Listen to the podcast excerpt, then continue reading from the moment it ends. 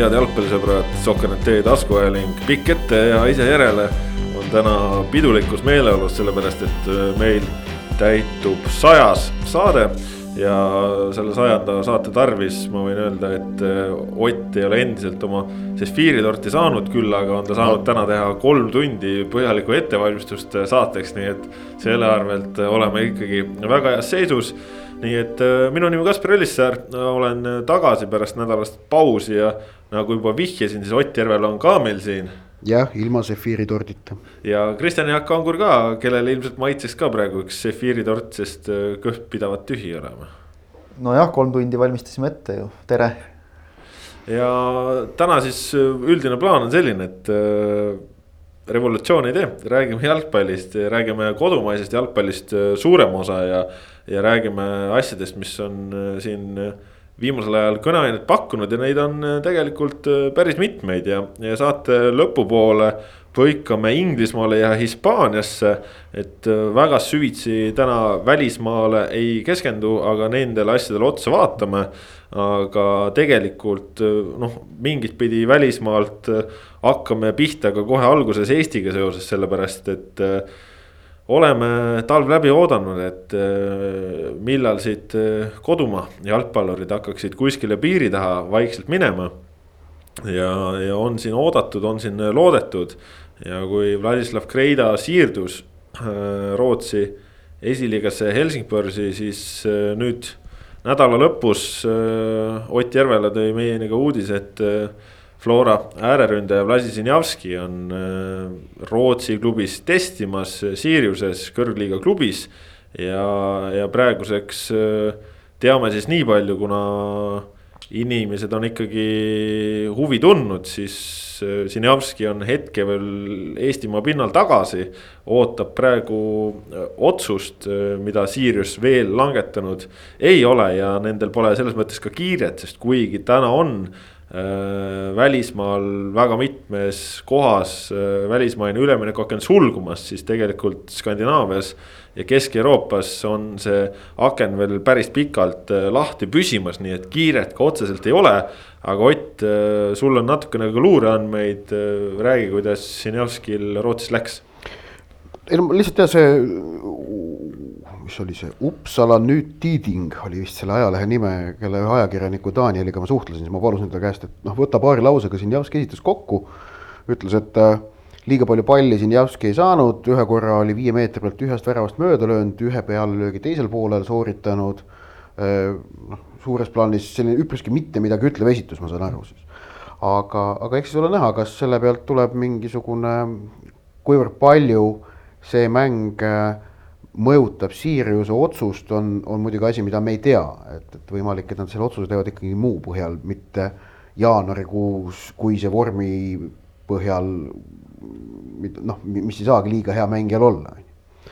et, et selline seis oli, aga, aga noh, et no ütleme nii, et kui see üleminek teoks saaks, siis, siis noh, see spekulatiivse poolega rääkides, siis noh, ma ütleme noh, see oleks nagu igati selline normaalne hea koht, kuhu minna tegelikult jah, Allsvenskani kümnes meeskond on ju, on ju igati tipp-topp, pluss siis noh, tõesti Uppsala ülikooli linn, ilus linn, et miks mitte seal mängida natuke. ei no, noh. aga, aga mänguliselt äh, ma arvan, et täpselt selline paras samm edasi just, et, et Rootsi liiga noh, on üsnagi selline ikkagi ju ühtlane ja kõva liiga, et, et seal, seal on just just hea ennast, ennast leida, sest noh, välismaal esimene samm peab olema ikkagi üsnagi kaalutletud suhteliselt ikkagi sama jutt, mida me rääkisime tegelikult Kreida kohta mm -hmm., noh, okei okay, esiliiga, kõrgliiga, Rootsi, noh, Rootsi jalgpallikultuur, seda me kõik kaks aastat, kaks saadet tagasi rääkisime, et, et äh, sama, samad loogikad kehtivad ka Sinjavski puhul.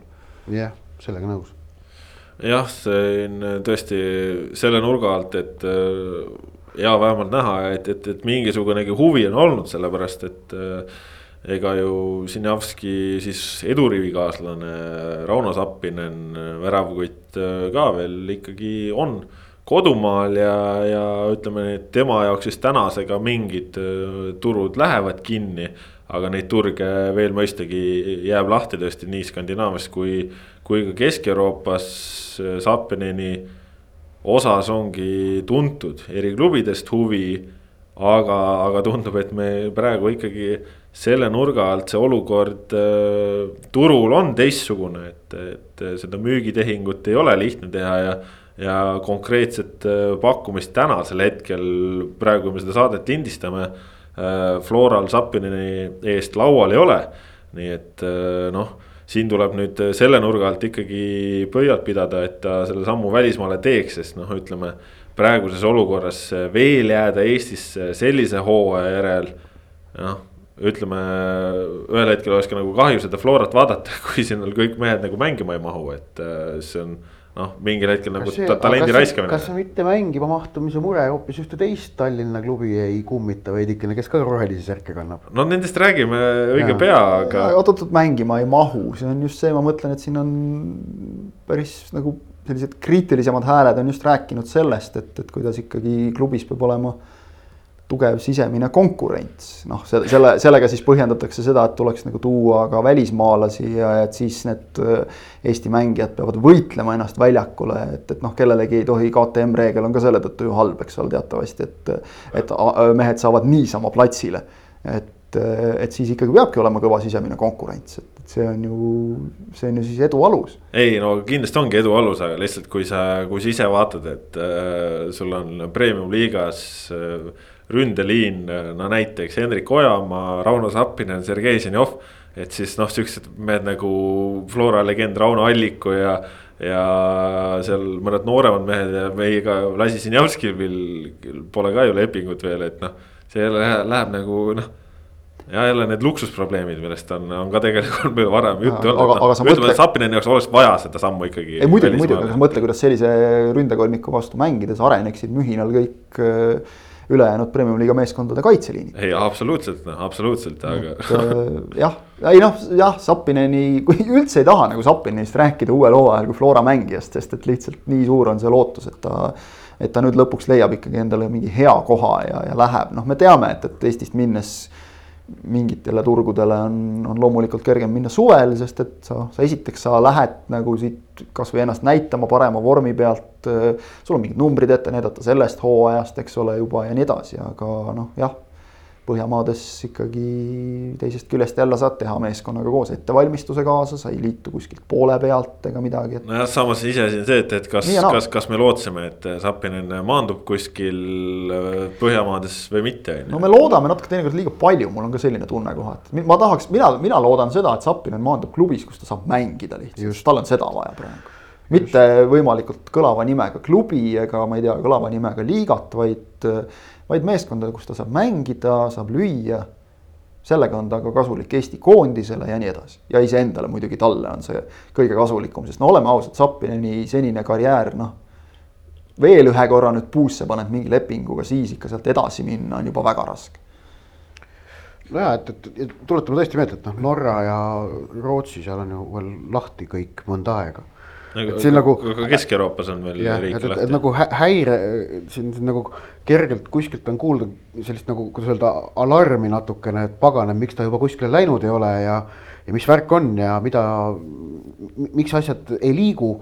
noh, praegu kui vaatad ka seda, ütleme noh, me vaatame nii Eesti vaatevinklist, aga me vaatame seda maailma üleminekuakent, et seal ollakse ka ikkagi väga ettevaatlikud isegi maailma tipus tehakse praegu väga ettevaatlikult kõiki lükkeid see on arusaadav, koroona on seda turgu muutnud äh, ja, ja muutnud kõik asjaosalised väga palju ettevaatlikumaks. ja noh, kuna ilmselgelt äh, Sapineni puhul on, on, on veel ka see nüanss, et Flora soovib ju tema eest ka üleminekusummat saada, et see ei ole lihtsalt praegu lepingu sõlmimine, vaid on, vaid on vaja ju sõlmida üleminek ka. et siis sellised üleminekud on veel keerulisem see on nagu paratamatu. noh, nägime Kreida puhul ju Flora seda, seda tegelikult ju vältis, et, et et kohe praegu oleks pidanud neile mingi, mingi raha välja käima, et noh, võimalik, et laenu eest mingi tasu tuleb, sageli on jalgpallis see kokku lepitud, ka laenu eest mingi tasu nagu laekub, aga noh, mängija õigused on ju jätkuvalt äh, Flora käes. Kreida omad. jah, ja nüüd on Flora käes ka veel ühe noore talendi mängiõigused äh, Erko Joone Tõuges Nõmme Unitedist, nüüd on siis äh, ka FC Flora mängija ja nii palju, kui sahistatakse, siis äh, väga väga ja väga esindusliku üleminekusumma eest Floraga liitunud. Tõugese puhul oli siis samuti see nüanss, et ta küll Floraga juba treenis, harjutas, aga, aga tal oli selle möödunud kuu lõpuni siis variant või võimalus lepingu järgi siirduda välismaale, seda sammu ei teinud. noor siis endine U seitseteist koondise keskkaitsja ja nüüd on ta siis Floras.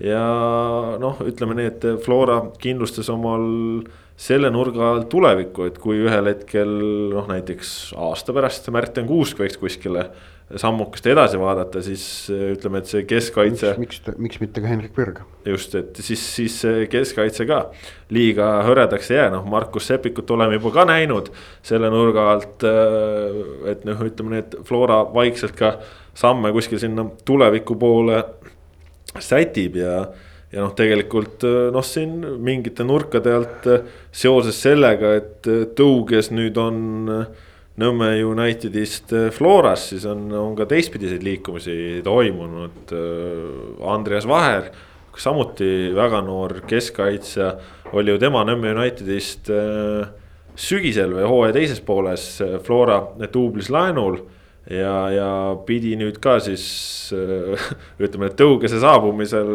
noh, arvata võib, et tõuges ikkagi esiliigas oma peamised minutid teeb, kuivõrd noh, Flora esinduses ta ikkagi kuusest ja pürgist praegu niisama ees ei ole, on ju.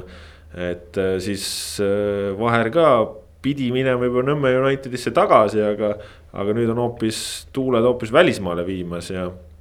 ja sel nädalal see uudised tulid, et Andreas Vaher äh, Spallis Itaalias testimisel on ja ja kuigi veel ametlikke jutte ei ole, siis kuuldavasti on seal päris korralikult esinenud ja, ja noh, Spal on selles mõttes äh, Eesti mängijate jaoks ikkagi väga meelepäraseks äh, kohaks äh, osutunud. Georgi Dunjov ja Christopher Piht mõlemad seal mängimas ja, ja Dunjov nüüd küll esinduses enam ei mängi, aga on Primaveras U üheksateist satsi kapten ja, ja mängisid koos Pihiga siis nädala keskel ka AS Rooma vastu võitsid AS Roomat, kes on siis, äh, oli vähemalt sinnamaani siis tabeli liider. on siiani jah ja... aga oli, oli enne seda kuuest mängust täiseduga. just, ja, äh, ja, nende, ja nende ridades oli siis veel üks eestlane, Martin Vetkal, tema küll mängu selles ei, ei saanud, aga ma täitsa pärast isegi vaatasin seda kohtumist, et, et näha seda potentsiaalset eestlaste duelli seal. no arvestame, Vetkal on ju kuusteist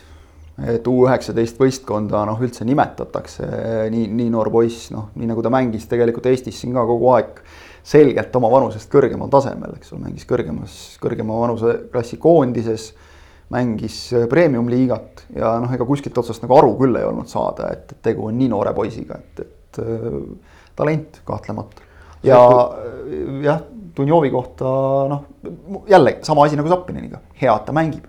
just et Dunjovi puhul noh, me nüüd ikkagi näeme, et, et see, kuidas need seeria A-s teenitud minutid eelmise hooaja lõpus, et, et need olid väga selgelt noh, klubi poolt teadlikult antud avanss äh, mängija arendamiseks olukorras, kus neil tegelikult noh, püsimajäämise variandid olid, nad said ise vist aru ka, et väga väikesed et, et noh, et head meest ju keegi niisama pingile ei jäta. no seal... muidugi alati on, on ka see, et treener on ju teine, et treenerite nägemused on ka ja, erinevad. ja, ja see, no see võib ka olla, aga et head, head mängijat ju niisama pingile ei jäeta, et, et no. no seda ütles Karel Voolaid sulle antud intervjuus. ütles ka seda, ütles ka seda mulle ja, aga no see peab paika ju no,. treenerid üldiselt ei aja kiusu niisama ja, nagu. et, et, et kui ta ikkagi praegu seeria B-s peale ei saa, siis noh äkki siis ongi seis see, et see Primavera ongi tema jaoks nagu see, see õigem koht. seal on üks see väike konks, no. väike konks ka, et tavaliselt kui, kui klubid kukuvad kõrgliigast alla, siis ikkagi on see mudel või noh, see, see tava, et, et kogenumad mängijad lahkuvad ja siis antakse noortele võimalusi ja nii edasi.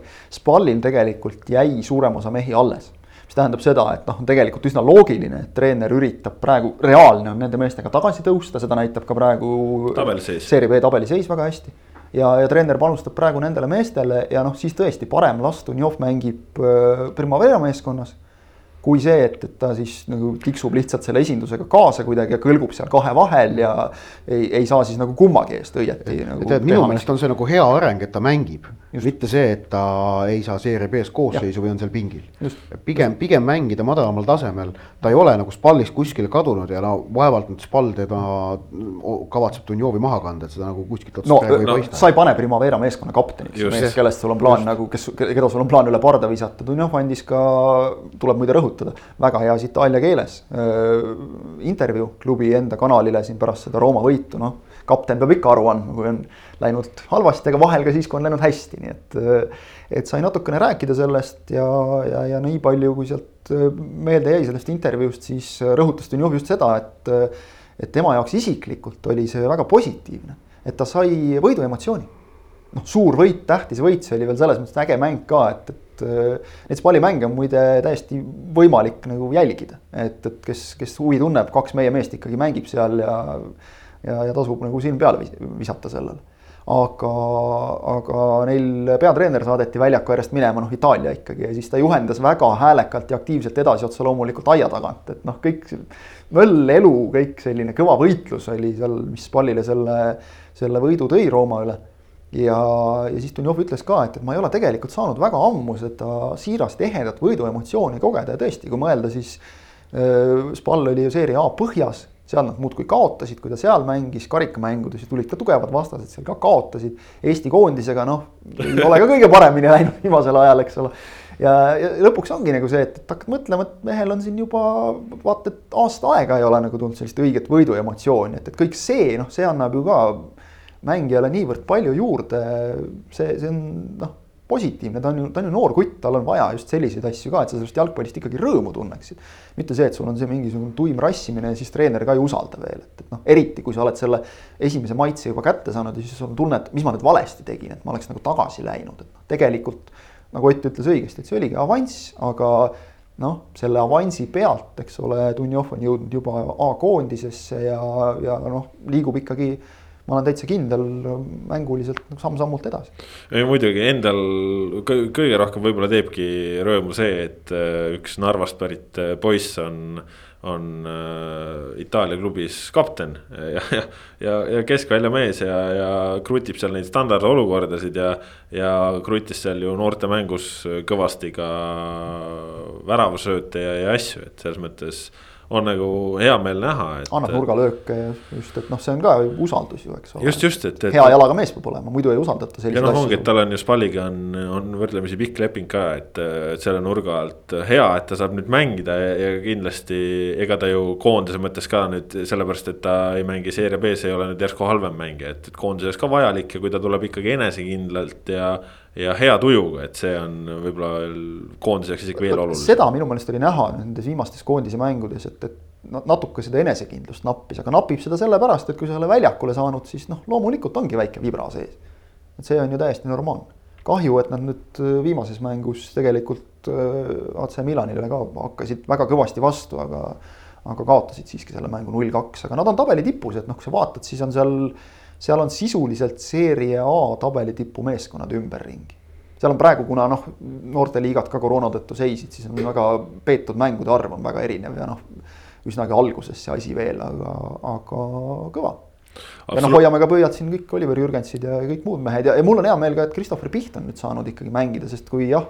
Dunjovil minu meelest, kui ta nüüd tõesti pikendanud ei ole, siis tal on sellest kolmeaastasest lepingust üks aasta veel, veel järel minu meelest või on nüüd viimane mm. aasta isegi. tal kolmas aasta läheb, minu meelest ta esimese aasta järel tegi kolmeaastase nagu profilepingu nendega. Tune Ohkar, kas kaks tuhat kakskümmend kolm ei ole? või äkki isegi kaks aastat, ühesõnaga noh, tal on nagu rahulik, aga Piht on ju laenulepinguga, et temal on väga tähtis praegu ennast näidata ja, ja vaatasin, kuidas ta seal kuidas ta seal rassis selles Rooma vastu peetud mängus, et noh, ega tal see kerge ülesanne ei olnud, saadetakse sind tippu ja jookse seal. aga noh, nagu ta on pikk poiss, eks ole, et, et tema peale saab pikka palli mängida ja, ja noh.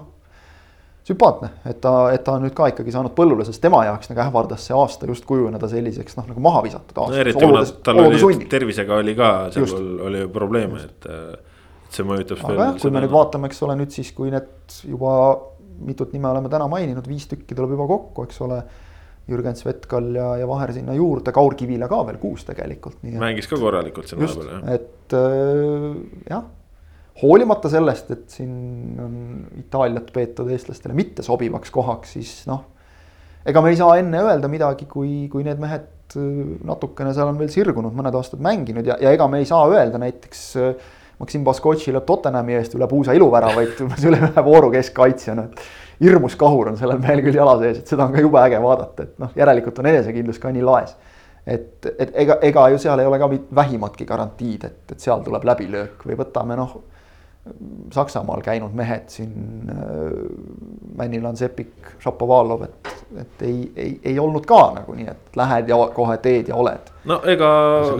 Itaalia juurde korraks ma ühe, ühe mõttega tulen tagasi, et, et äh, arvestades Aivar Pohlaku poolt siis Postimehele eelmisel nädalal antud intervjuud siis pani, ma usun, et selle intervjuu kaudu, kus ta siis noh, seda Itaalia süsteemi, enda nägemust sellest Itaalia noorte süsteemist kirjeldab ma arvan, see paneb kogu selle praeguse kontingendi meie noori jalgpallureid, kes mängivad Itaalias sellise mõnusa luubi alla. Ehm, neid hakatakse jälgima, ma arvan, nüüd terasemalt ja huvi, suurema huviga, eh, saamaks siis teada, kas nagu noh, kuidas nende tegevus suhestub nüüd selle Pohlaku poolt öeldud intervjuu, intervjuus öelduga et, et see andis nagu sellise uue rakursi juurde. äkki, äkki mõni mees vaatas ise ka ja mõtles just, et vaat ma näitan, saab küll Itaalias. nojah, ja ega vaja. elu ju praegu on näidanud, et ega alati ei saa ka FC Floras, et eh, siin ju värs-, värske näide ka U seitseteist pikaaegse koondislase või noh, selgelt mängis ja oleks olnud siin ka see finaalturniiri koosseis, Richard Tohver, ründav poolkaitsja. otsustas ka nüüd, et ikkagi Floras tipptasemel enam jätkata ei taha ja, ja Kohtla-Järvelt oli, oli Florasse tulnud, ega suurem osa hooajast väga palju peale ei saanud, pigem nagu varumehe rollis hooaja lõpus sai seal natukene minuteid ka, aga.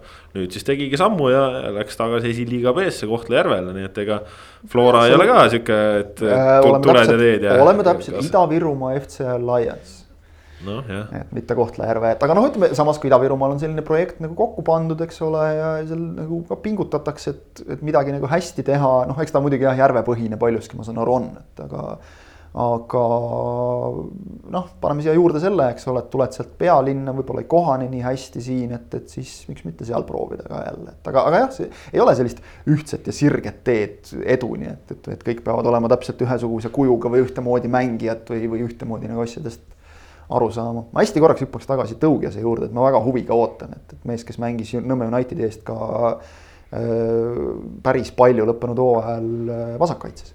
ja me teame, kuidas Floral on noh, nagu vasakkaitses olnud neid küsimärke, et kasvõi juba selles mõttes, et Marko Lukale noh, selline heas mõttes torkija selja tagant olemas, et äh, ma, ma usun, et, et Florale hea tõmme ja ma usun küll, et, et me, me seda meest nagu nende esiliiga esituste põhjal otsustades ja koondise esituste põhjal otsustades, et ta on ka selline noh, liidritüüpi ikkagi. et, et seda meest me veel näeme, ma vaatasin korraks, et kas ma mäletasin õigesti, mäletasin küll eelmisel aastal Nõmme Unitedi peatreener Martin Klasen ütles, et, et ta tahaks, et Tõugjas oli, oli üks neist, seal oli veel mehi, keda ta tahaks kindlasti noh, Heina ja Jürgensi kombel nagu ka aidata välismaale, noh siis muidugi tuli sinna otsa, see oli kuskil veebruaris räägitud siin hallis, et, et et, et siis tuli sinna otsa muidugi koroona ja noh, kõik see muutus, nüüd on Brexit ja, ja noh, Tõugjas, kes käis ju ka ennast Tottenhamis näitamas. enne tegelikult kaheksateistaastaseks saamist enam sinna minna ei saagi, nii et, et peab veel natuke aega ootama. et noh, see paneb mingid käigud kinni ja noh, selles valguses jälle, et kui Inglismaa on nagu alla kaheksateistaastaste eestlaste jaoks praegu ikkagi noh, sisuliselt lukus. et siis nagu hakata siin nüüd valima, et me nüüd sinna riiki lähme ja sinna ei lähe, et, et noh, kui me räägime suurtest jalgpalliriikidest ikkagi, et siis võib-olla, võib-olla ei ole see koht päris. Jah, aga läheme siit edasi teema juurde, millest juba Ott ennist kibeles rääkima, ehk siis FC Levadia nädal aega laagrit koduses Tallinnas, et meeskond saaks paremini üksteist tundma, et saaks paremini ja, ja rohkem trenni teha, et fookus oleks selgem. on nüüd Levadia selja taga ja, ja Levadia siis äh, nädalavahetusel, täpsemini reedel alistas taliturniiril Tartu Tammeka kolm-null ja, ja peab ütlema küll, et mängis väga korralikku ja head jalgpalli ja, ja noh, Levadia seis on siis talve jooksul muutunud nii palju, et nad on enda ridadesse praeguseks hetkeks ametlikult ja avalikult toonud üheksa uut mängijat. lisaks üheksale uuele on veel noh, ütleme nii, et kas lepingud sõlmimisel või juba sõlmitud või kohe varsti selles faasis veel kolm mängijat, nii et kui noh, ütleme siis nimed ette ka, siis on ikkagi loetud, kui praegu on toodud omale Yunis Agiri.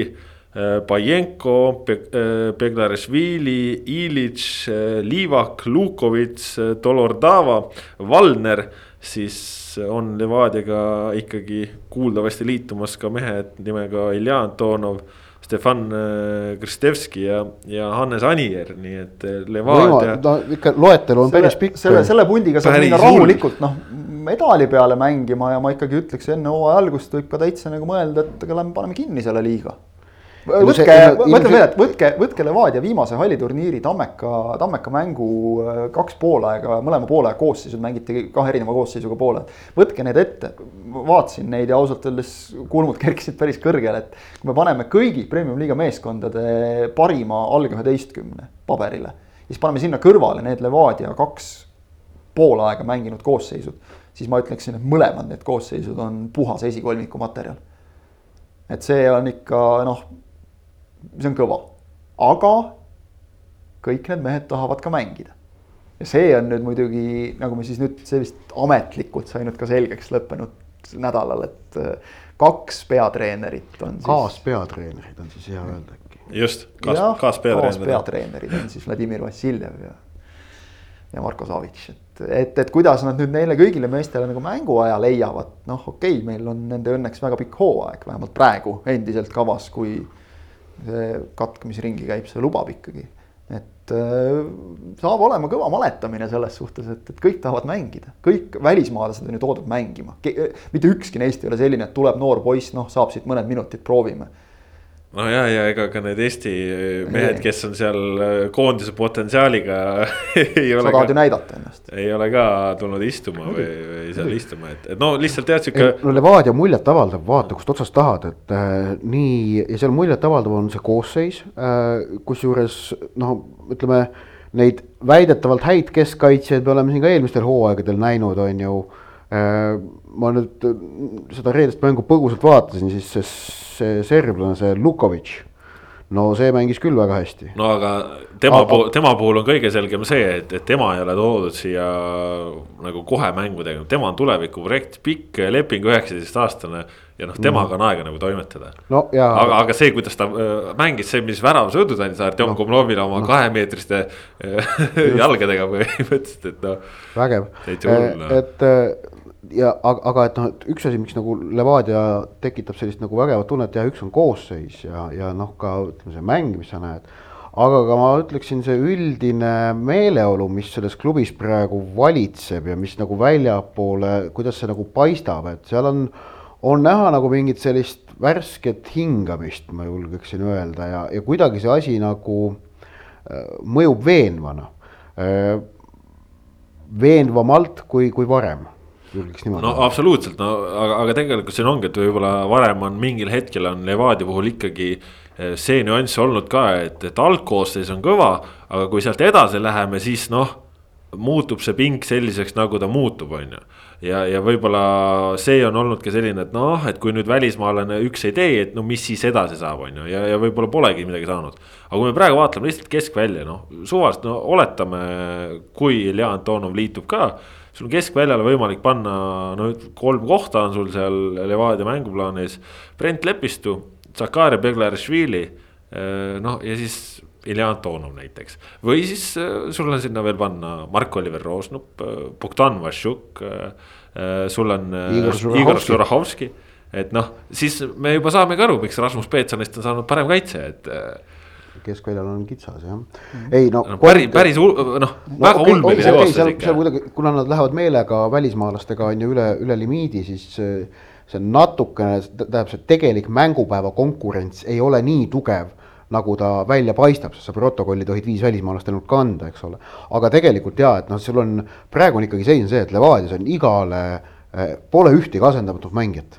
Absoluutselt jah, sul on igal pool on asendaja võtta. Ja vaat kurat, sellist asja tegelikult ei ole ka Floras.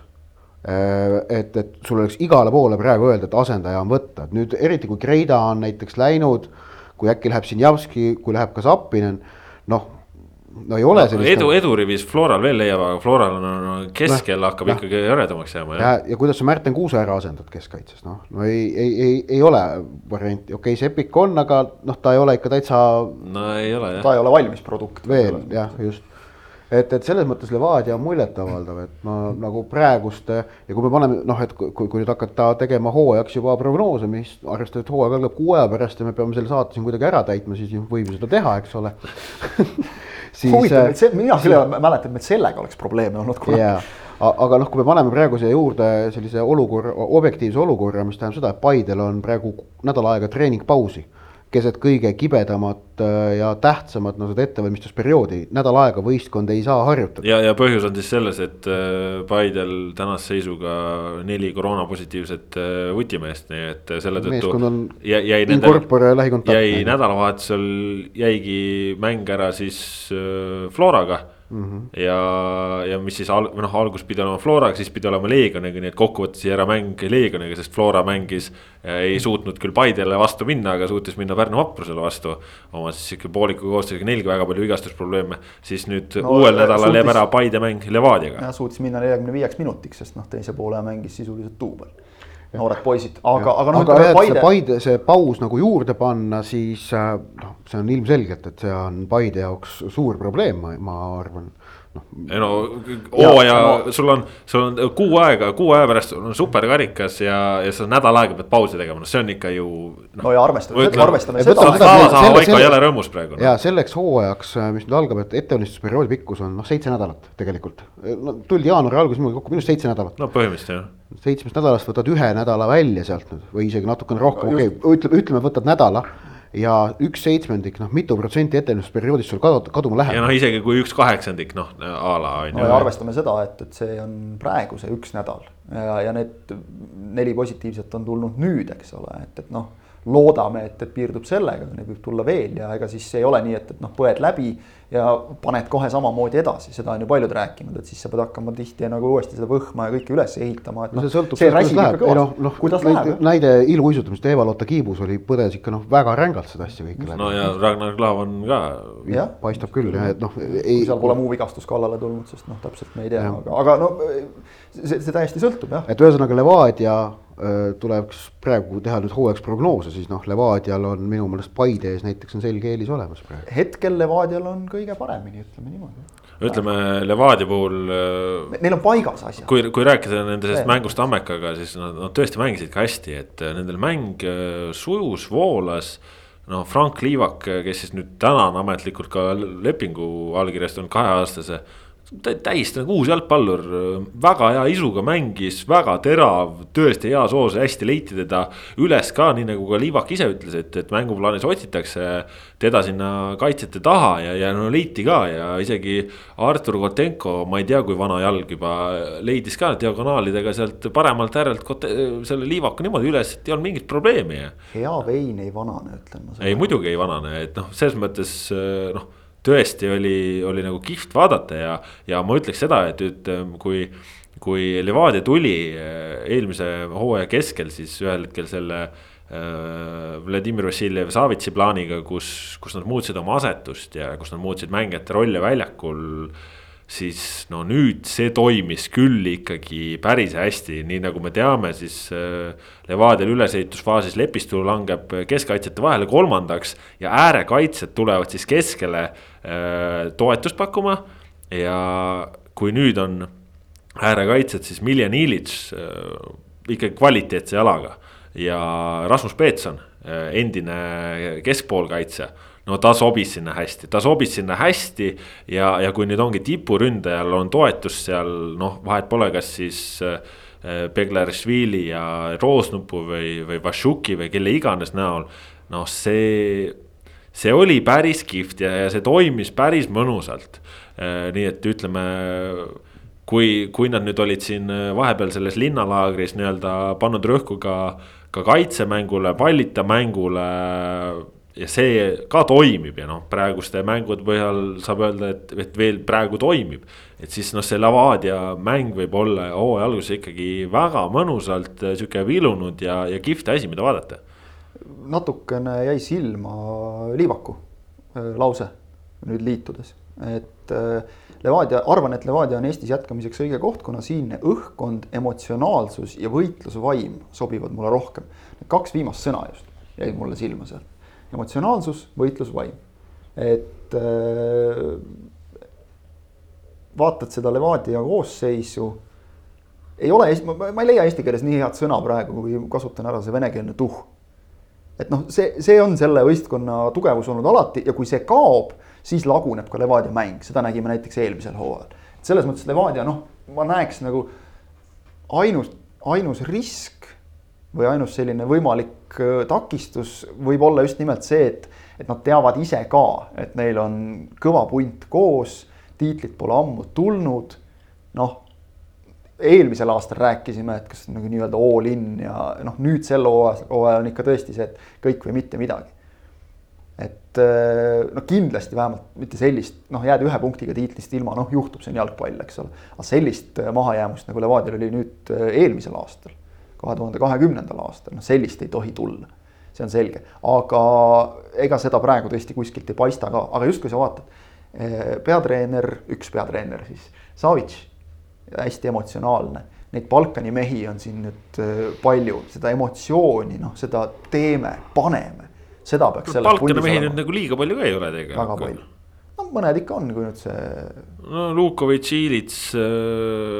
kui no. see Horvaatia mees, see Kristevski ka nüüd liitub, siis. jah, siis Kristevskiga tuleb jah, tuleb ju mõned on ja noh no,, treeneri personalis ka paar tükki ja ega grusiin. ma panen selles mõttes praegu ühte patta natuke, et noh, Balkani ja Slaavi noh. nojah, nagu gru, grusiinid ja, ja ukrainlased. sellist et... tulist verd seal nagu on, et, et ja, ja, ja samas on seal nagu ka piisavalt eestlasi, kes noh on rahulikud, eks ole, aga ka sellised natukene just seda tüüpi mängijad, sellised Brent Lepistud, siuksed sisemised põlejad, eks ole, nagu et, et noh, see, see tuhm, ma arvan, see, see kannab. aga no seal kindlasti on tähtis, et see tuli katlas siis äh, liiga võimsaks ei lähe, et selle kogu selle koosluse äh, rahu, kuidas öelda, kogu selle koosluse noh, haldamine on Vassiljevile ja Savitšile kahtlemata väga suur väljakutse, äh, ilmselt seal noh oma roll on veel ka ilmselt spordidirektor Pareikol äh, kes tähistas eile sünnipäeva, palju õnne. ja, ja, ja, ja kuidas, kuidas, me teame, Pareiko on ju vanarahu ise. jah, kuidas, kuidas see nagu kõik, kõik, kõik seal käib, et, et see nagu saab olema Levadia jaoks kindlasti väljakutse, aga,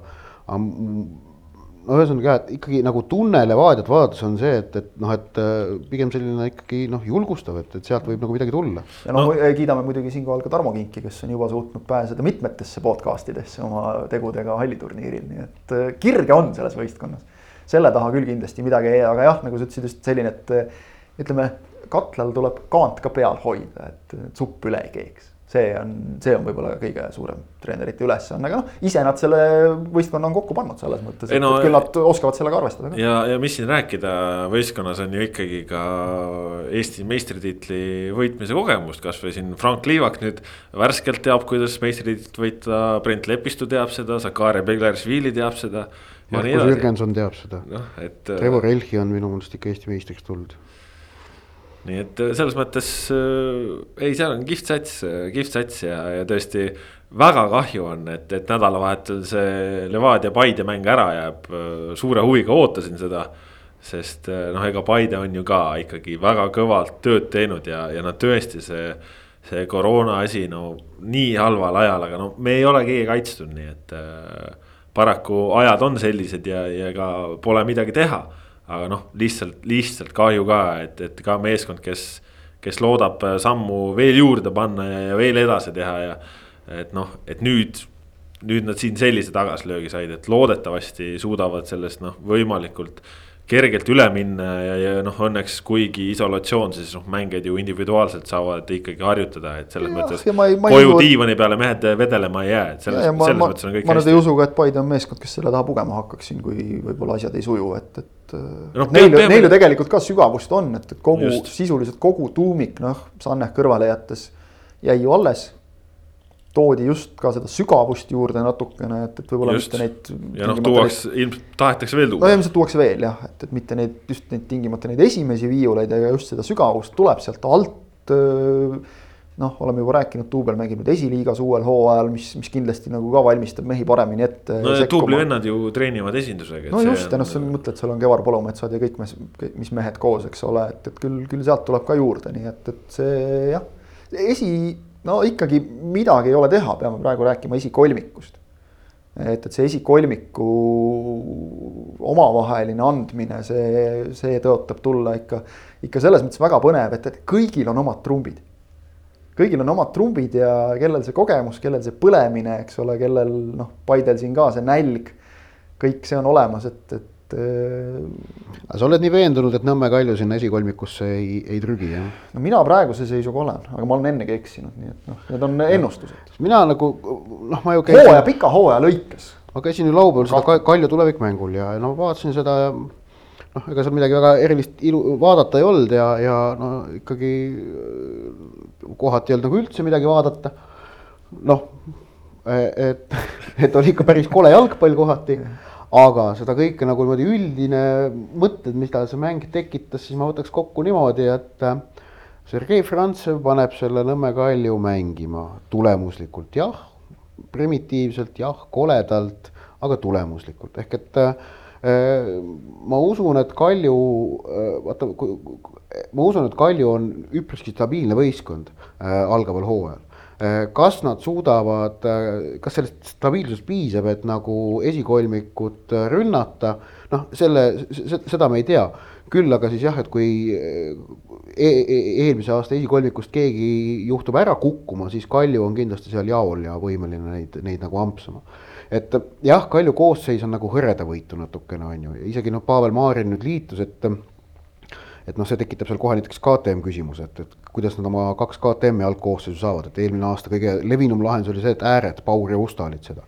Alex-Mattias Tamm on kolmanda KTM-ina nüüd noh, esinduses noh, nooremaid on seal Jeršov ja Demidov on, on aeg-ajalt praegu mänguaega saanud, aga no pigem ma ei usu, Frantsev nendega arvestab ehm, et, et noh, see KTM-i küsimus äkki nagu tekib neil seal, aga, aga nad saavad üldiselt ennast nagu käima, ma arvan. minu jaoks on väga suur küsimus, no ütleme ka just nimelt seesama. no keskkaitse muidugi on neil vaja veel. jah, seal on, seal on natukene tagala-hõre, et, et noh, Avilov Reintan paariga võib minna, aga seal peab olema noh, veel midagi, kedagi mm. -hmm. minu jaoks on, on suur küsimärk see, et, et kui Kalju saab ennast käima kohe hooaja alguses.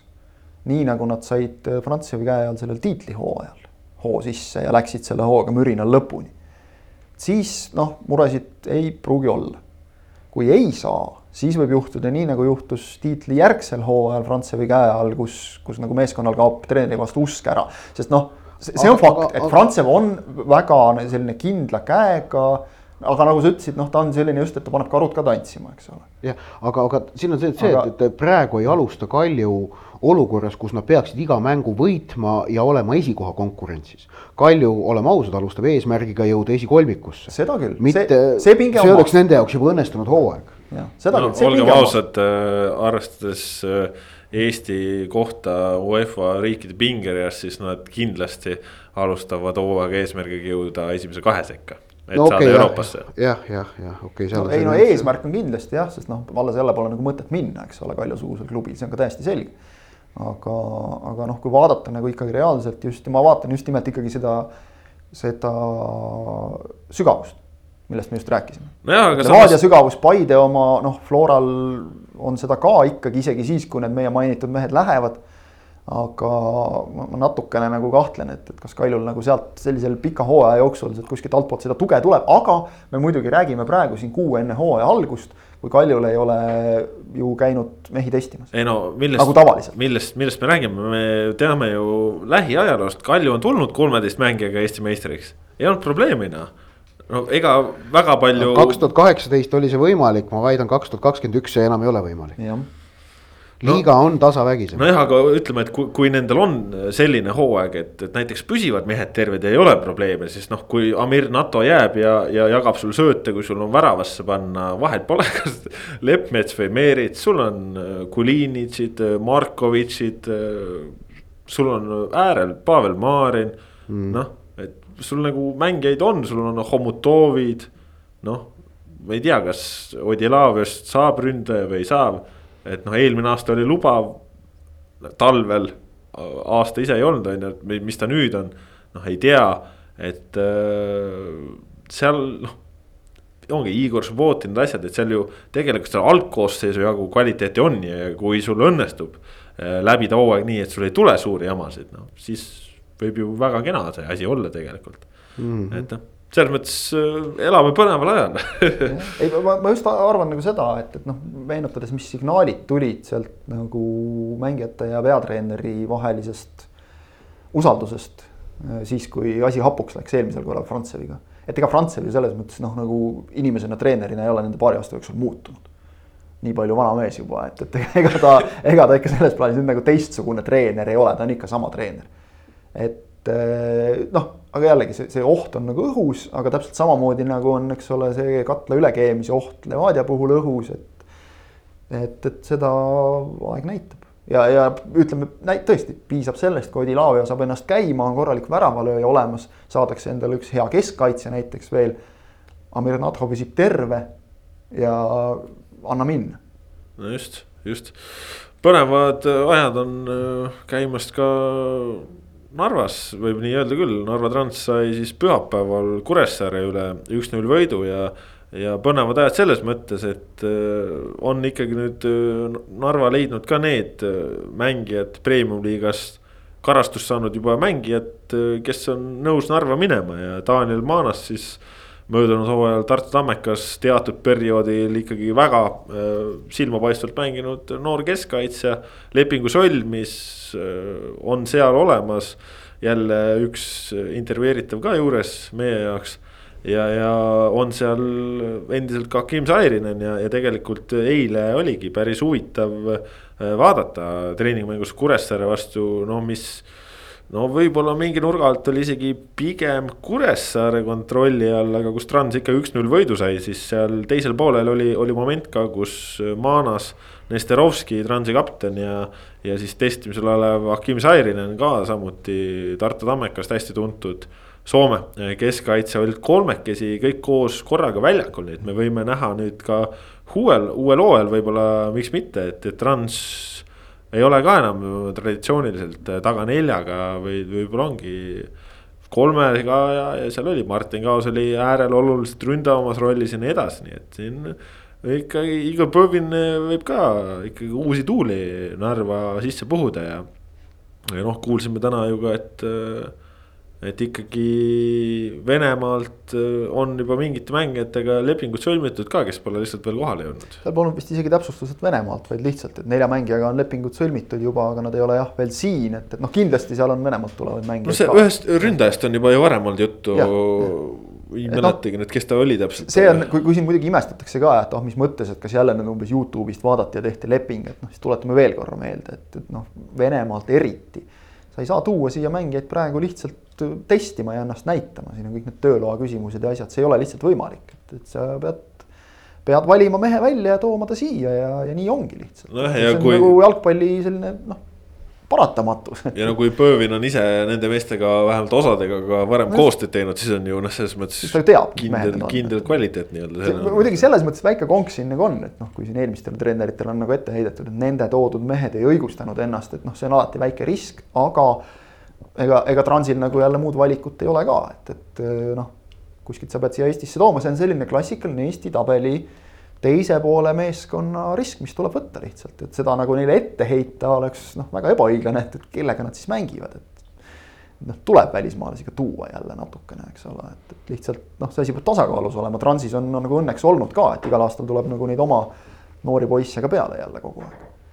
Jah, ja noh, Kuressaare poolelt äh, ka veel väga midagi uut ei näinud, need äh, Jermatšenkod ja Illinid, kes, kes Flora duublist on olnud seal natuke mekutada said, aga ega üldiselt Kuressaare praegu veel noh, midagi revolutsioonilist teinud ei ole. Nende mäng iseenesest oli enam-vähem, aga, aga eks nendel ka ikkagi noh, tõenäoliselt veel just eelkõige noh, ründeosakonda oleks natukene jõudu juurde vaja, arvestades, et siin ongi noh, Sander Lahel on veel siiani natukene tervisega probleeme olnud ja nii edasi, on ju, Mattias Männil on veel kunagi ei tea, millal see migreen lööb, on ju noh, Otto-Robert Lipp nüüd hakkab ka vaikselt esindusega koos pallitrenne ka tegema, aga noh, temagagi läheb aega, et selles mõttes. eks Kozlovskil on seal ka ikkagi mõtteainet ja. noh, Kure suur trump on see, et, et on sama treener teist aastat järjest see no, muidugi annab väga palju see, juurde. see on, see on suur trump jah ja. ja noh, seal nüüd. võrreldes kasvõi Transiga näiteks. Ongi üks täiendus ju, mis, mis on nagu selgelt juba välja öeldud, on ju, et Kristjan Lapa nendega liitub, siis noh, Lapa nüüd ikkagi tänasest. Äh, liitub ja lahkub. Läks, läks kaitseväkke aega teenima, nii et kuni sõduri baaskursuse lõpuni. järgmised noh, suurusjärk seitse nädalat, ega ta ilmselt väga palju trennides osaleda ei saa, pärast seda ilmselt vast läheb paremini, nii nagu ka noh, Soomre ja Miil ju on ka ikkagi ajateenistuses, aga, aga saavad võrdlemisi korralikult trennis käia, nii et no eks siin ka neid mõtteainet on ja, ja noh, tegelikult ju. noh, mingi nurga alt Eesti turul on ju veel ka vabu mängijaid. Pole ju siin, noh, ei tea ju veel, mis täpselt Sidorenkovist saab, ei tea täpselt, mis Roman Šovtšenkost saab, ei tea täpselt, mis Andres Raudsepast saab. Sander Puri. Sander Puri jah, siin nüüd Leegioniga küll harjutamas, aga aga, aga veel jah, lepinguid äh, avalikult vähemalt äh, sõlmitud ei ole, nii et äh, siin neid mängijaid on ka ja, ja kahtlemata, et kui siin mingid klubid täiendavad, siis, siis jääb kuskil ka mehi üle, noh, et ega seal ju. noh, Paideski on näiteks ju väga tihedaks olukord läinud ja, ja juba ju eelmisel hooajal seal varasemate põhimeeste mänguaeg seal natukene vähenes, pean silmas noh, näiteks Martin Kase või Sander Sinilaid või noh, Kevin Kauberilgi, kui, kui lihtne seal ründeosakonnas äh, on, et noh. Ütleme selliseid huvitavaid lükkeid võib igasuguseid tulla ja, ja neid noori on ka kindlasti alati, kes tahaksid seda Premium-liiga kogemust juurde saada, nii et äh, kuu aega on minna laias plaanis natuke rohkem. Äh, kõik on päris lahti veel ja selles mõttes huvitav jah aga läheme siit nüüd edasi saate lõpetuses ka välismaale ja, ja põikame Inglismaale, kus on äh, vist kõige olulisemad äh, teadaanded äh, meie ühelt kolleegilt, keda ja, täna ei ole siin. jah, hea kolleeg Rasmus Voolheit, kes arusaamatutel asjaoludel toetab seda, seda koledat klubi, kus mingi imelik lind on vapi peal siis äh, jah, tema ütles eelmises saates, et kui Jürgen Klopp teatas, et tema usub, et Klopp usub, siis üks Liverpooli fänn arvas, et tema küll ei usu enam naljalt, aga, aga nüüd ütles, palus parandada, et nüüd ta ikkagi usub jälle. et selleks oli vaja siis kahte-kolm-üks võitu, et noh, eks ta ole selline välismaa keeles moodsa sõnaga öeldes glory hunteritele omane lähenemine, et et nii kui, nii kui mõned võidud tulevad, siis on kõik jälle hästi, aga okei okay,, nali naljaks, et äh, Liverpooli muidugi kolm-üks võit Tottenhami üle. noh, ei näidanud see ainult seda, et, et Tottenham oli halb, see näitas ikka seda ka, et, et Liverpool oli hea. Ja, ja see, mismoodi ikkagi kehva esimese poolaja järel võeti teisel poolel kapitaalselt pulkadeks West Ham viimati. see oli juba nüüd see Liverpool, keda me näeme, et kui ikka kümme sekundit või vist läks viisteist või midagi sellist läheb sellest, kui vastased annavad nurgalööki.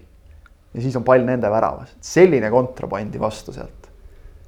Aleksander Arnold, Shakiri ja Salah. et noh, see oli klass ja seda oli ilus vaadata, et eh, noh, Liverpool, kes on nii-öelda sõiduvees.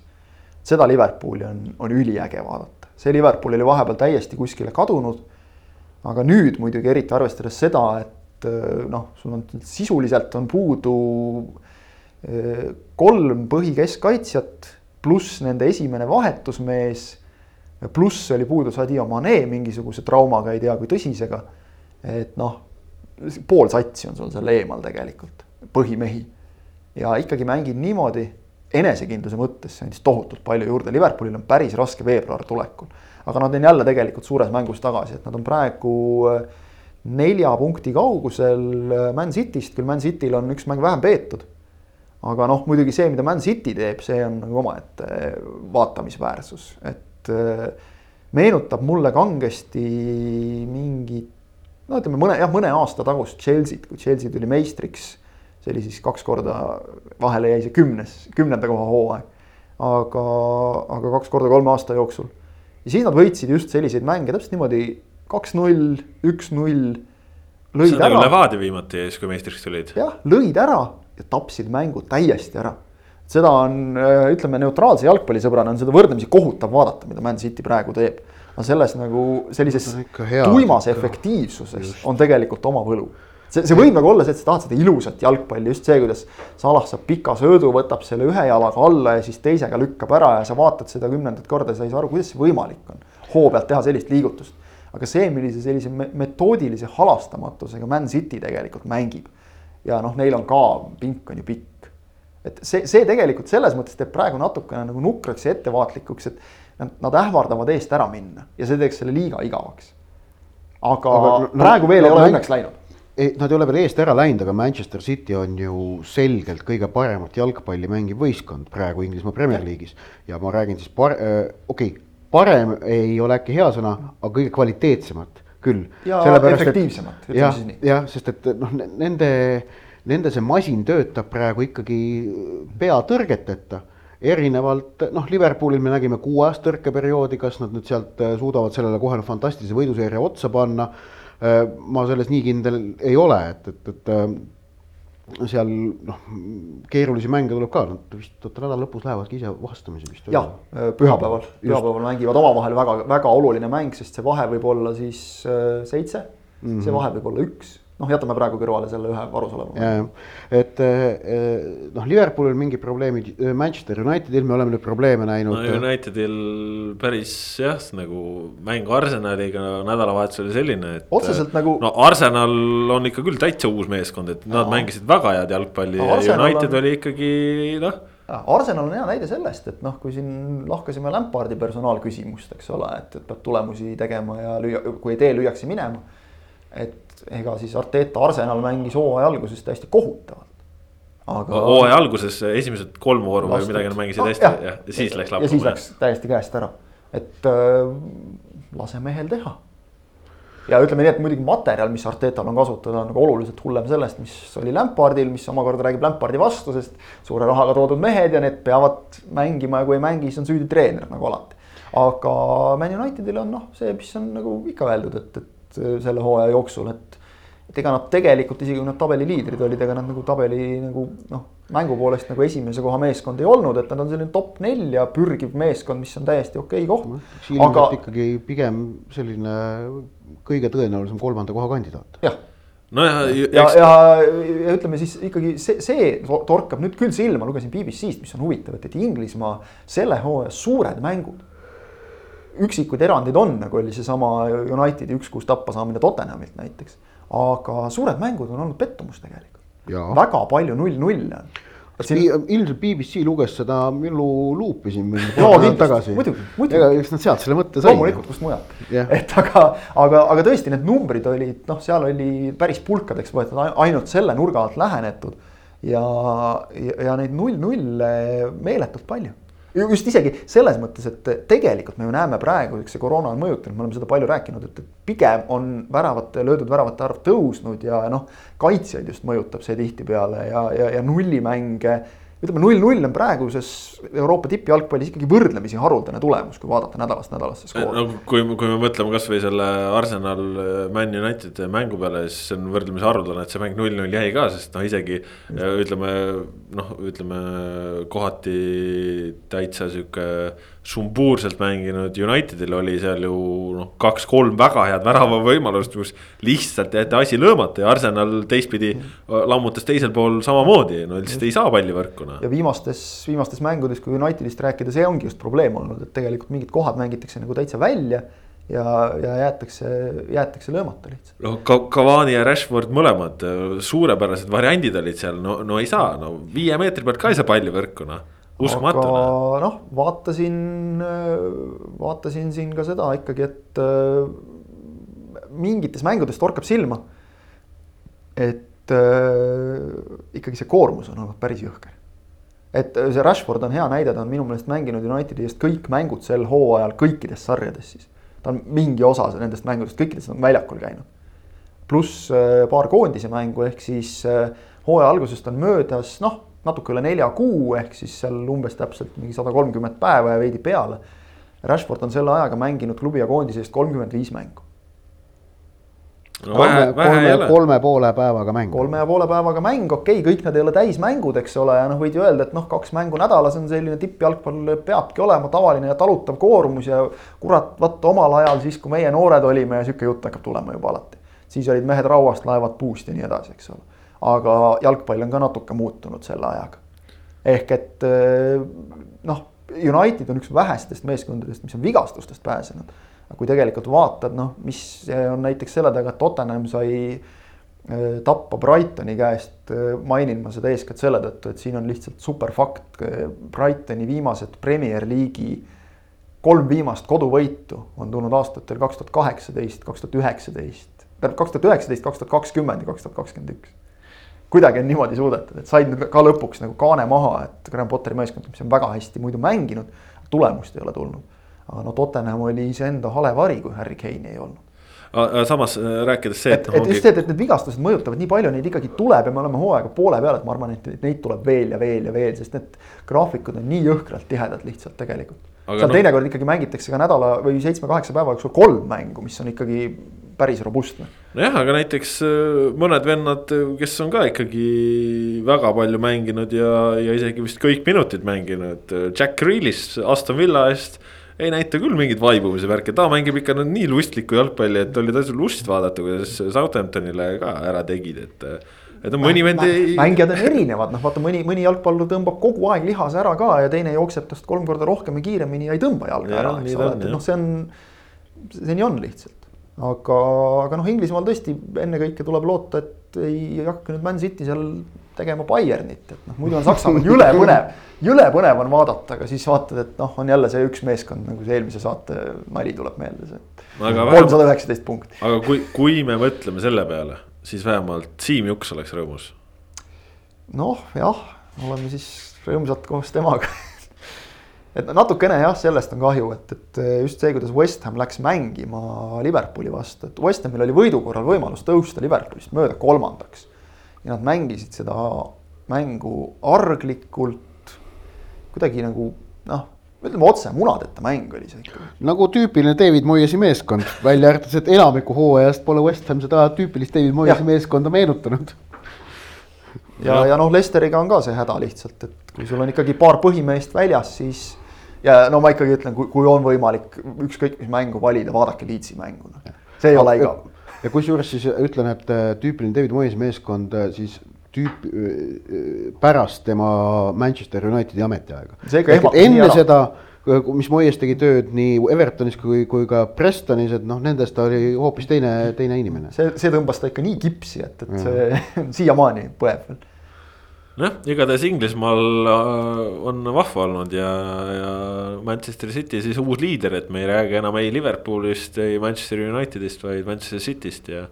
Man City on ikkagi selge suur soosik tiitlile praegu siin ei ole nagu midagi minu meelest arutada selles, selles osas. no ega siin ei olegi, sest siin on lihtne nõu, nagu Guardiola ütles, kui mingi asjad on valesti, siis lõpetage jooksmine ära ja, ja kõik läheb paremaks et.... ma mõtlen just ökonoomselt mängitakse ja praeguses olukorras ei ole see üldse mitte rumal lähenemine. absoluutselt.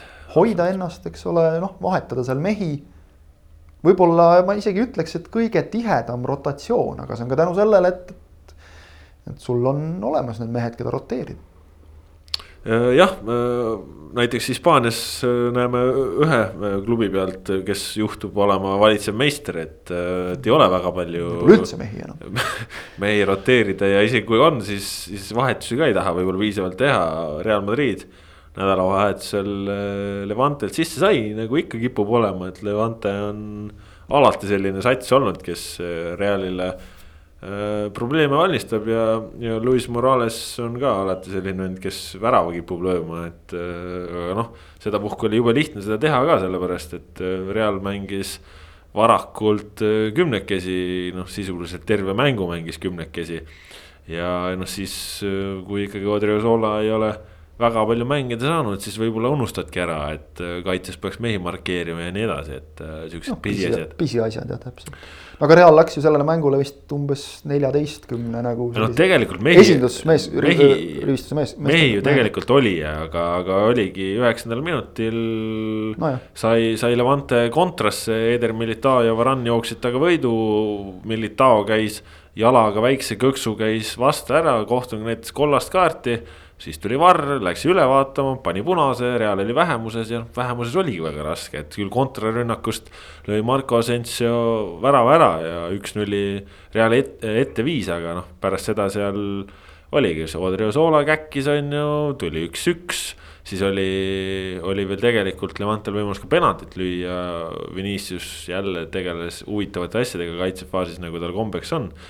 Courtois tõi ära aga ei olnud äh, pääsu ikkagi, sest äh, Roger seal lõpus äh, virutas kaks-üks ja, ja nüüd on siis Hispaanias olukord see, et. väga ilus olukord. et Real Madrid lasi isegi Barcelona endast. jah, tohutus, tohutus kriisis Barcelona on täiesti ootamatult Realist. küll väravate vahega, aga siiski eespool. noh mina muidugi noh, nagu ilmselt kuulajat ei üllata, et noh, väga tahan, et Atletico meistriks tuleks ja selles mõttes see lakoonilisus jätkub, millega Atletico on, mida Atletico on no. üles näidanud ja okei okay,, nüüd neile. Atletico on..., Atletico läks ikkagi viimane mäng läks täielikult aia taha, nad lasid endale lüüa viiendiku selle hooaja väravatest ehk kaks. jah e,, no kümme väravat on. jah, on nüüd on, on neil löödud, aga noh, edestavad Barssat ja Reali kümne punktiga, neil on mäng varuks. no loodetavasti ei mängi maha no ütleme, see, see oleks ikka selline ajalukku minev. poole hooaja pealt omada sellist edu ja, ja noh mitte kuidagi koba peale, vaid ikkagi tõesti see, et sa oled lasknud endale üheksateistkümne liiga mänguga lüüa kümme väravat. ja seejuures äh, suure osa on nendest löönud Real Madrid, kes neid võitis, aga ikkagi kaotab oma, kaotab ja, ja. nii suure vahega, et. jah, see ka veel, et omavaheline mäng on niipidi läinud. ja et, et Realilt nad said ikkagi päris veenvalt said sisse, aga, aga sellest pole enam haisu ka enam. aga noh, Kadiisi puhul muidugi ikkagi see, et Alvaro Negredo lõi need kaks väravat, see on vanameistrite. see on kaunis. see on äge no tema ju ka endine Reali poiss, nii et no selles jah, mõttes jah. arusaadav, et Atleticot äh, nii-öelda kiusata tuleb, aga ei, ei olnud piisav ja Atletico tõesti praegu noh. Nende mäng tõesti töötab ja, ja nendel on praegu ka seda noh, vajalikku sügavust olnud ja, ja nad on leidnud enda võistkonna sees ka võib-olla uued liidrid, kui siin vahepeal oli natukene sellega probleeme, siis noh, ongi praegu noh, see meeskond töötab ja noh, see, mida Jan, Janno Pakk väravas teeb. jah, ja üks sobiv asi neil see, et nad seal jaanuari alguses karikas selle Corneia käest äh, null-üks kolaka kätte said. kui Real ja Barca pidasid siin praegu ju veel neid karikamänge, siis Atletico oli vabastatud, noh, nad on saanud äh, väga palju rahulikuma graafikuga mängida, nemad on jaanuari jooksul mänginud kuus mängu äh,, neist viis, viisi kõrliga. ja Real ja Barca mängisid ju veel ka seda superkarikat, mis on ju ka, ka kaks mängu, poolfinaal ja finaal, eks, eks ole, või siis jah see.... no ühesõnaga jah, nende ja, rütm on nagu selgelt olnud häiritum. Atletic on saanud rahulikku rütmi mängida ja. ja et kui sügisel, ma arvan, kui Londoni Chelsea sai endale Atletico vastu, on ju siis noh, Chelsea oli pigem nagu rahul selle loosiga, ma arvan, et nüüd talve jooksul, nagu me näeme jällegi, et talve jooksul. no ma arvan, nad olid rumalad, kui nad olid rahul sellega.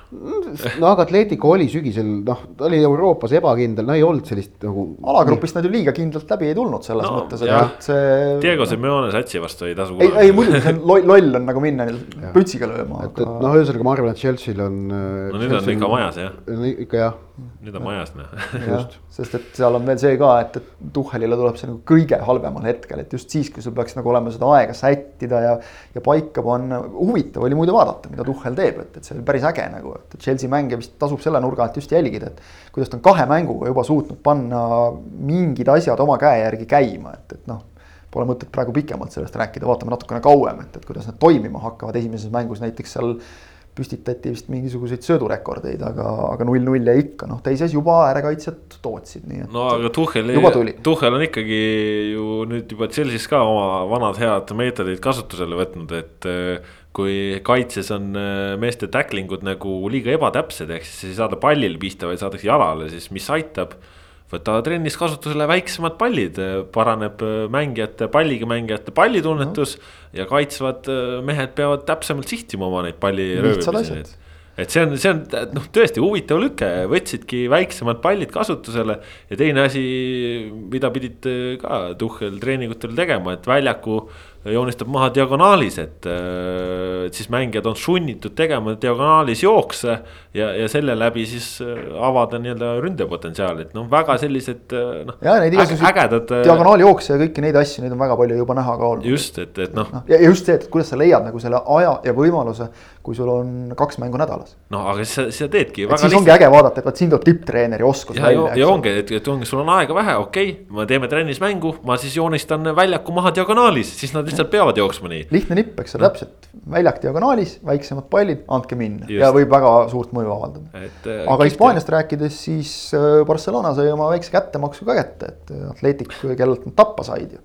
seal superkarikas, et, et ikkagi neid nüüd kaks-üks võideti ja, ja noh, mina tahaksin muidugi selle mänguga seoses nagu erilised tervitused saata teele Hordi Alba suunas. et on mulle eluaeg olnud erakordselt ebasümpaatne mängija, ei hakka isegi varjama seda mitte, ma rõhutan, väga hea mängija aga ebasümpaatne mängija, need kaks asja ei pea nagu tingimata koos käima üldse. ei pea.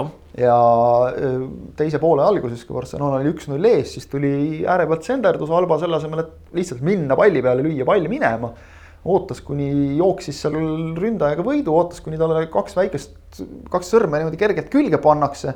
Siis viskas ennast pikali, tema jalast läks pall väravasse, hakkas muidugi apelleerima, et oli viga Varr vaatas selle olukorra üle, leidis, et mitte mingit viga seal ei olnud, sel lihtsal põhjusel, et tõesti seal viga ei olnud.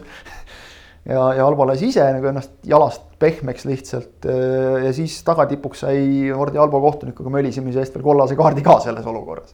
ehk et nagu hea näide, mängige olukorrad lõpuni, ei ole vaja tegeleda mingisuguse lollusega väljakul. Aga noh, kuna Alba on sellega silma paistnud nagu korduvalt igasuguste rullimiste ja, ja sukeldumiste ja kõige muuga, siis oli seda kuidagi meeliülendav vaadata. aga muidugi Barcelonal noh, ikkagi kui vaatad jälle, kes lõid väravad, Messi, Griezmann. no Griezmann on lööma hakanud, see on nüüd no. äh, oluline muudatus. no ja, ja Messi ees ikkagi selles mõttes nagu müts maha, et kogu selle jama keskel, et noh. ja kellele meist meeldiks, kui su palgaleping lehtedes nagu pulkadeks tõmmatakse, et palju sa saad ja mille eest sa saad ja, ja kõik leiavad, et kurat, liiga palju saad et noh, rahvavaenlane eriti praeguses olukorras, mis maailmas valitseb, et saad nii palju raha ka veel, et selle eest, et ühte palli taga ajad lihtsalt. aga Messit nagu ei kõiguta eriti, ta mängib ikka edasi samamoodi. see, see on tegelikult nagu, ma ütlen, noh, minu silmis on ta veel nagu grammikese austust juurde saanud selle eest. Ei tea, mis sinust saab tulevikus, kus sa jätkad, ei ole enam see aeg nii kaugel üldse tegelikult, kui hooaeg juba lõpeb, eks ole, poole hooaja pärast ongi vaja juba mõtlema hakata, kuhu ja kuidas ja mis ja mees mängib ikka nagu kuld jah, ega Hispaanias on jah, selles mõttes huvitavad ajad, et äh, kahe suurklubi kaks nägu, nii Lionel Messi kui Sergio Ramos on oma lepingutega liikumas lõpusuunas ja. Ja, ja mis saab edasi, on, on palju küsimusi õhus, et äh, põnev jälgida, eks. no, no Ramosega on eriti totter olukord, et Ramosega on nagu see, et, et Real tahab, et Ramos jätkaks Realis. Ramos tahab jätkata Realis ja ei aga... saa mehed kuidagi nüüd siis nagu laua taha maha istud korralikult ja, ja. no koroona pärast pole raha lihtsalt. no just, et, et noh, teeme siis nüüd need palganumbrid ka selgeks, et seal toodi väga huvitavaid asju tuleb välja selliste asjade kaudu, et, et Ramos on nõus oma, saama sama palka, mida ta saab praegu. Ja isegi ta on nõus, et makske see mulle siis välja kahe aasta pärast.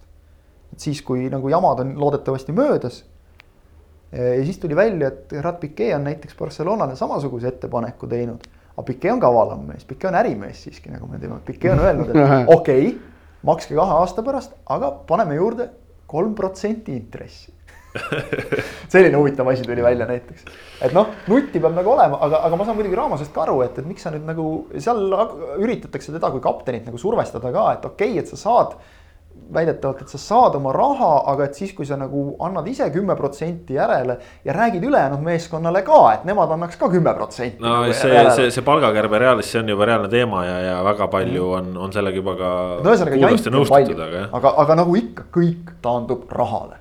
kõik taandub sellele, aga noh, see on lihtsalt totter, et mees tahab klubis jätkata, klubi tahab, et mees jätkaks ja, ja kapten kõik noh no, kapten ma..., liider, legend, eks ole. ma, ma arvan ja, ka. ja ikka mingisugune jura üleval. vot, vot ma, ma praegu nagu isegi väga äh, hullult sellesse ei, ei keskendu, et, et, et ma, ma ei usu, et ta BSG-sse läheb, ma, ma loodan, et nii ei juhtu ja, ja tõenäoliselt ikkagi saavad kokkuleppele, et äh, aega veel on ja. ja eks siin käib natukene ka mõjutamist ja, ja üksteisele surve avaldamist, aga, aga noh, see, kui oluline. siin on ju mingid lõbusad on. jutud juba, et, et kuidas Ramos ütles, et tal on BSG-st pakkumine olemas ja siis noh, Florentino Perez võttis telefoni, helistas siis BSG juhtidele, nad ütlesid, et me pole mingit pakkumist teinud. ehk et sihuke bluffimine ja sihuke, sihuke asi käib kogu aeg, et kes, kes keda nüüd seal petta üritab, mine võta kinni. no see Messi asi jah, et see, see, et see lepingu detailid niimoodi avalikuks tulid, noh, see ei juhtunud kogemata, et seal on lihtsalt nagu huvitav teada, et kes, kes seda tegi ja miks tegi, et seda saame ilmselt tagantjärele no, teada. Bartomeu juba väitis, et tema see ei olnud jah, kõik tormasid nagu väga usinalt kinnitama, et tema pole teinud, et noh, see mm -hmm. ta tihtipeale see nagu näitab, et kellegi südametunnistus on natukene must just, aga vot sellised olid jalgpallijutud täna, selline oli siis pikk ette ja ise järele ajaloos sajas saade, nii et oleme nüüd jõudnud ka kolmekohalise numbrini, millised on jalgpallijutud uuel nädalal, eks seda näeme siis, aitäh, et kuulasite. mõistagi püsige Sokkerneti lainel ja, ja kui veel juhtute esmaspäeva õhtul seda saadet kuulama, siis eh, noh, loodetavasti jälgite ka välismaiste üleminekute akna laivi, mis on ka hoogsalt käimas ja, ja eks põnevat lugemist pakkuda teile ikka ja jälle on. on ka pakkuda ülekandeid, loodetavasti ei tule siin koroonaga veel muutuseid, nagu juba tuli, et Paide Levadia mängu asemel siis sel nädalal hetkeseisul kavas Leegion Kuressaare ja pühapäeval. ja, ja enne seda on meil Flora Trans ka, nii et laupäevasel päeval, nii et püsige meie lainel, saate tõid teieni Kaspar Elissaar, Kristjan Jaak Kangur, Ott Järvela, olge terved ja adjöö